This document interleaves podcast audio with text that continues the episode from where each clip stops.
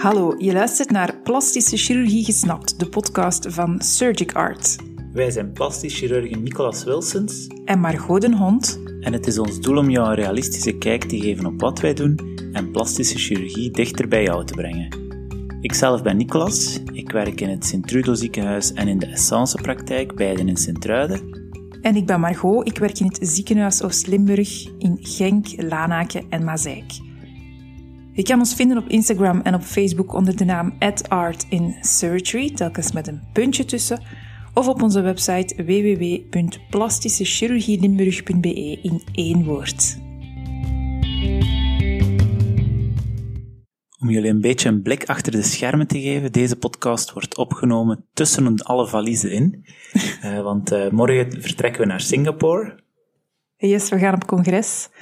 We gaan naar de WSRM, de World Society for Reconstructive Microsurgery. Gaat over microchirurgie. En wat is microchirurgie? Ja, zoals de naam het zegt, chirurgie, maar heel, heel, heel, heel, heel klein. Dus dat wil ook zeggen dat de draadjes die we daarvoor gebruiken ook heel, heel, heel, heel klein zijn. En dat is een beetje waar we het vandaag over gaan hebben, over, over hechten, over wonden sluiten. Ja, we gaan dat onderwerp iets breder trekken dan enkel die haarfijne draadjes van microchirurgie. En we gaan het hebben inderdaad over hechten of het sluiten van een wonde. En dat is meestal met naald en draad. Maar andere opties zijn bijvoorbeeld ook een huidlijm of zelfs nietjes. Ja, en daar zullen we straks ook nog kort op terugkomen. Maar we zullen beginnen met de meest frequente manier van sluiten, hè, de hechtingsdraad. Ja, het is misschien voor, een, voor jou misschien moeilijk om, om te vatten, ehm, maar het is, het is ongelooflijk hoeveel verschillende draden er, er eigenlijk op de markt beschikbaar zijn. En dan, dan gaat het alleen nog maar over merken, hè, maar, maar al, elk van die merken heeft ook sp- specifieke types. En we gaan voor jullie een paar van die, van die ehm, verschillen even toelichten, waarom we het een wel gebruiken of het ander niet, of welke specifieke situaties, ehm, om jou daar toch een beetje meer inkijk in te geven. Ja, als, als je spreekt, Nicolas zegt verschillende types draad. Dat kan gaan over de verschillende diktes of sterktes van draad. Verteerbaar of niet verteerbaar. Verschillende soorten naalden, snijdende naalden, ronde naalden. Naalden voor specifieke weefsels te sluiten. Zoals bijvoorbeeld slijmvlies of pees. Misschien een, een, een belangrijk onderscheid dat gemaakt wordt en dat ook wel algemeen gekend is, is tussen verteerbaar of resorbeerbaar versus niet verteerbare draad. Wat wil dat zeggen? Gaat het draadje oplossen vanzelf spontaan of is het niet verteerbaar en dienen we het op termijn te verwijderen? Ja, dan is het eerste dat we moeten opmerken, eigenlijk vanaf de wonde dieper is, wordt er eigenlijk sowieso in één van de lagen al een verteerbare draad gebruikt, namelijk in de diepe laag. Als we die moeten sluiten, dan is dat altijd met een verteerbare draad, of nagenoeg altijd met een verteerbare draad, omdat we natuurlijk niet graag nadien nog daar opnieuw ingaan, hè, om die hechtingen te verwijderen. Dat zou, dan zou het nut van de hechting natuurlijk een beetje zijn doel voorbij schieten. Klopt. Nu hebben we het specifiek eigenlijk over het sluiten van de huid. Hè, want er is natuurlijk ook, er kan ook hechtingsdraad gebruikt worden bijvoorbeeld om organen aan elkaar te hechten, zoals darmen. En dan kan het in die specifieke situaties wel nodig zijn om niet verteerbare hechtingen te gebruiken. En natuurlijk bij de microchirurgie, wat we daar straks al zeiden, als we een, als we een bloedvaatje of een zenuwtakje aan elkaar gaan zetten, daarvoor gebruiken we ook een niet verteerbare draadje. Dus weliswaar een zeer, zeer fijn draadje, dat we onder de microscoop doen, maar dat draadje dat blijft wel ter plaatse. Maar we gaan het vandaag hebben over de huid. De huid zelf, um, die, gaan we, die kunnen we ook met een verteerbaar draadje sluiten. Dus echt het meest oppervlakkige deel. Afhankelijk van de situatie, de wonde, de locatie, kunnen we een verteerbaar draadje gebruiken.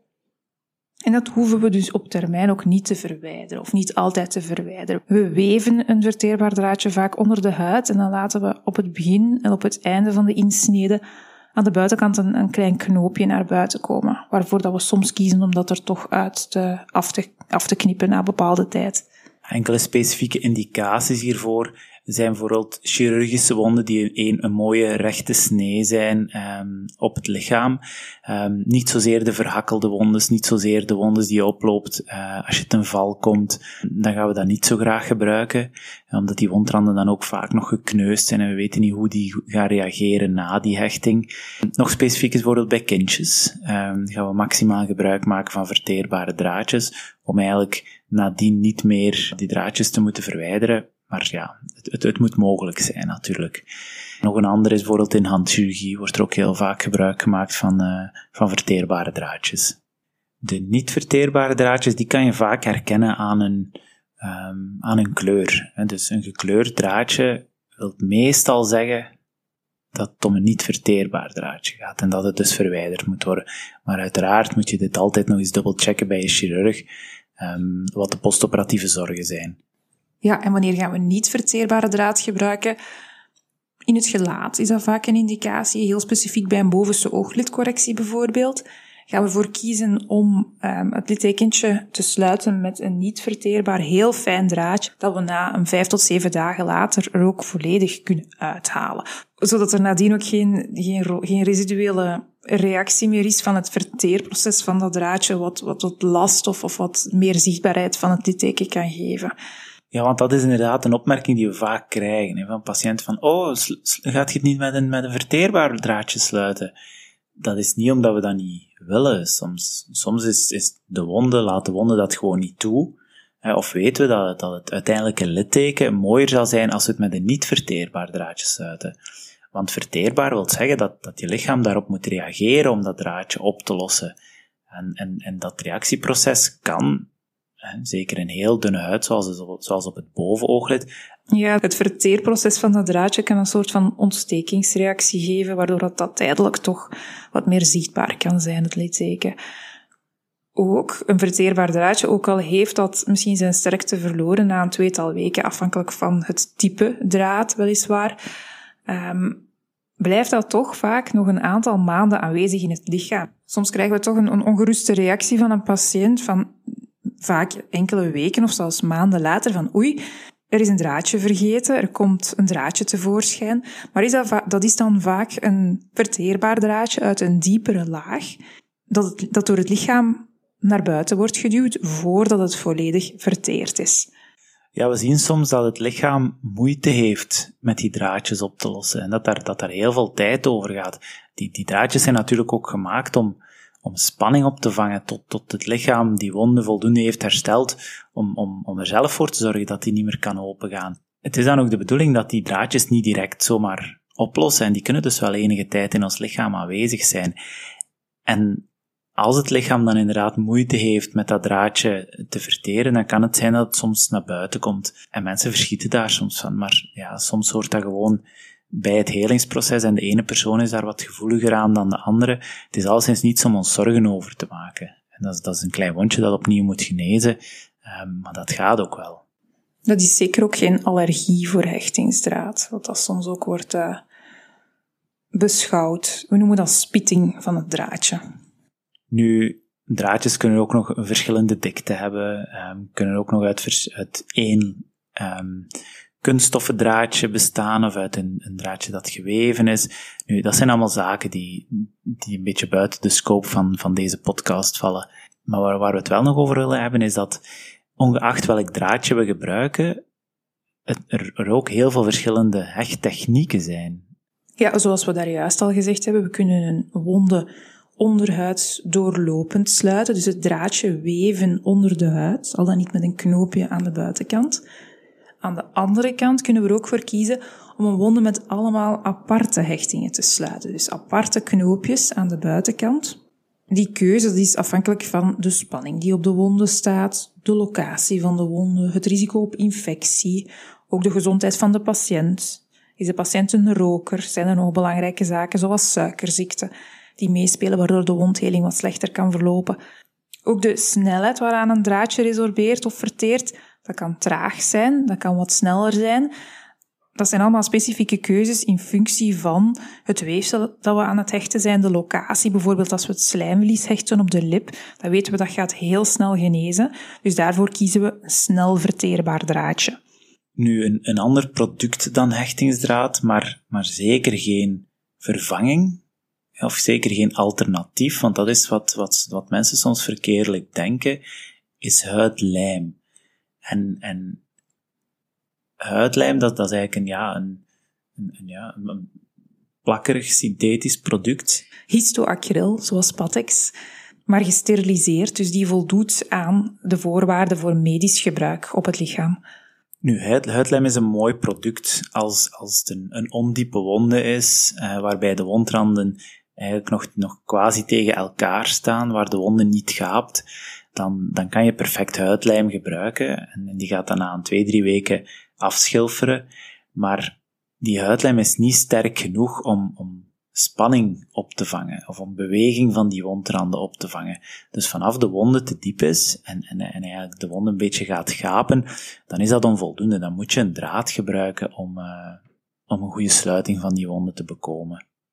Ja, op een bepaalde manier kan dat zelfs nadelig zijn. Als er nog een, zekere opening is tussen de wondranden en we plaatsen daar lijm tussen, dan vormt dat een barrière en dan kan de huid niet tegen elkaar groeien. Dus huidlijm is geen alternatief voor een hechtingsdraad. Het kan wel toegevoegd worden aan de behandeling. Dus, dus dat de wonde eerst met een hechtingsdraad gesloten wordt, zodat dat de wondranden mooi tegenover elkaar staan, en dat dan een extra laagje huidlijm daarover wordt geplaatst, um, om de wonden beter te doen helen. Daar bestaan wel producten voor. Ja, en we maken daar inderdaad soms gebruik van, bijvoorbeeld bij een buikwandcorrectie of een borstoperatie. Nu, wat wel een alternatief is voor de hechtingsdraadjes, in tegenstelling tot huidlijm, dat zijn de skin staples of de huidnietjes. En dat, dat lijkt soms heel barbaars, of, of dat, dat lijkt soms alsof, ja, chirurg had geen tijd meer, of chirurg had geen goesting, dus hij heeft het maar met nietjes gesloten. Ja, dat is helemaal niet zo. Skin staples zijn, zijn, zijn een goed product in bepaalde situaties. En dat, dat de wonden zelfs beter genezen, of dat er minder risico's zijn bij het gebruik van staples in vergelijking met huiddraadjes. Ja, en heel specifiek voor ons denken we dan vaak aan het hoofd, de behaarde hoofdhuid, waar we gaan sluiten met nietjes, waar dat, dat toch wel een beter resultaat geeft. Als we dat allemaal met aparte punten gaan sluiten, moeten we telkens een knoopje leggen en dat knoopje kan toch wel wat afsnoeren en dat gaat de bloedvoorziening lokaal in het gedrang brengen. Ja, plus elke keer dat je zo'n draad knoopt, loop je het risico dat je daar haartjes uh, mee opsluit in die knoop. Dus inderdaad, op de behaarde hoofdhuid heeft dat toch wel een, uh, een, een, een, grote meerwaarde. Ja, een nadeel misschien bij het gebruik van nietjes, dat is ja, het vervelende achteraf om ze te verwijderen. Dat pietst altijd even, hè, om ze te verwijderen. Maar langs de andere kant, ook bij een draadje verwijderen, een knoopje verwijderen, kan dat even een, een wat vervelend gevoel geven. Kort, maar kan soms wat vervelend voelen. Nu zijn er enkele mythes en vragen um, die, die rond het gebruik van die, van die draadjes heerst. En denk, de eerste is, mensen zijn altijd heel erg begaan met, met hoeveel draadjes ze hebben na, na een operatie of, of na het hechten van een wond op spoedgevallen. En hoewel we dat ergens wel kunnen begrijpen, omdat dat een, een idee geeft van hoe uitgebreid het is, wil dit eigenlijk helemaal niets zeggen over de wonden. Nee, inderdaad, zoals we al gezegd hebben, als we die techniek gebruiken van de doorlopende hechting, hebben we eigenlijk maar één draadje gebruikt om de volledige huid te sluiten. Ja, of, of wanneer je kiest voor een hele dikke draad, dan kan je bijvoorbeeld met één draad doen wat je met vijf heel fijne draadjes maar kan doen. Maar dat wil daarom niet zeggen dat, dat het uiteindelijke litteken dan ook even mooi geneest. Hè. Dus het is een beetje altijd afwegen van met welk type wonden we te maken hebben, wat de onderliggende factoren zijn, hoe is de wonde ontstaan, is dat in het operatieveld gebeurd, is dat op, op de spoedgeval iemand die zich aanbiedt, um, wie is de patiënt, is dat een gezonde twintiger, of is dat een, een 80-jarige met een hele voorgeschiedenis en een hele lijst aan medicatie en een, een, een huid die, die helemaal niet meer stevig is, dat maakt voor ons als chirurg een heel groot verschil. Klopt. Een volgende die we, die we vaak horen, die hebben we eigenlijk daar juist al eens besproken, dat is eh, de patiënt die vraagt of ongerust is van oei, ehm, er is een draadje vergeten, er komt een draadje uit. Dat is dus de spitting die dat we daar straks al hebben vernoemd. Een normaal proces van het verteren van het draadje dat soms door het lichaam naar buiten wordt geduwd. Ja, en dat, heeft weinig met, met techniek te maken. We moeten die draad gebruiken. We, we moeten een type van verteerbare draad in de diepte gebruiken als we die wonden willen sluiten. Gebruiken we die niet en sluiten we enkel de oppervlakkige laag, dan kan daar bloed in opstapelen, kan daar vocht in opstapelen, dan krijg je abscessen um, en een verbreed litteken, um, wat, wat, wat veel erger is dan, dan een klein puntje dat naar buiten komt. Klopt, want we willen eigenlijk dat de spanning van de wonden wordt opgevangen door de diepere weefsels en dat we de huid eigenlijk zonder spanning kunnen sluiten. Want hoe meer spanning op de huid, hoe breder dat een litteken ook kan worden. En we zijn er uiteraard Ons doel is uiteraard om dat litteken zo mooi mogelijk te maken. Nu, we hebben het al heel veel gehad over het plaatsen van de draadjes, maar ja, het is natuurlijk ook belangrijk dat in het geval van de uh, niet verteerbare draadjes, dat die worden weggehaald. En dat kan gewoonlijk bij de huisarts gebeuren, of door de thuisverpleegkundige, tenzij we iets anders met jou afspreken. Voor sommige wonden staan we erop dat we de hechtingen zelf verwijderen, maar dat is zeker niet noodzakelijk voor alle wonden. Nee, inderdaad. En het tijdstip waarop dat hechtingen verwijderd worden, dat is ook, ook weer afhankelijk van de locatie. In het gelaat bijvoorbeeld gaan we veel sneller hechtingen verwijderen, na vijf tot zeven dagen meestal, versus op andere plaatsen op het lichaam, waar dat we twee weken of soms zelfs langer gaan wachten.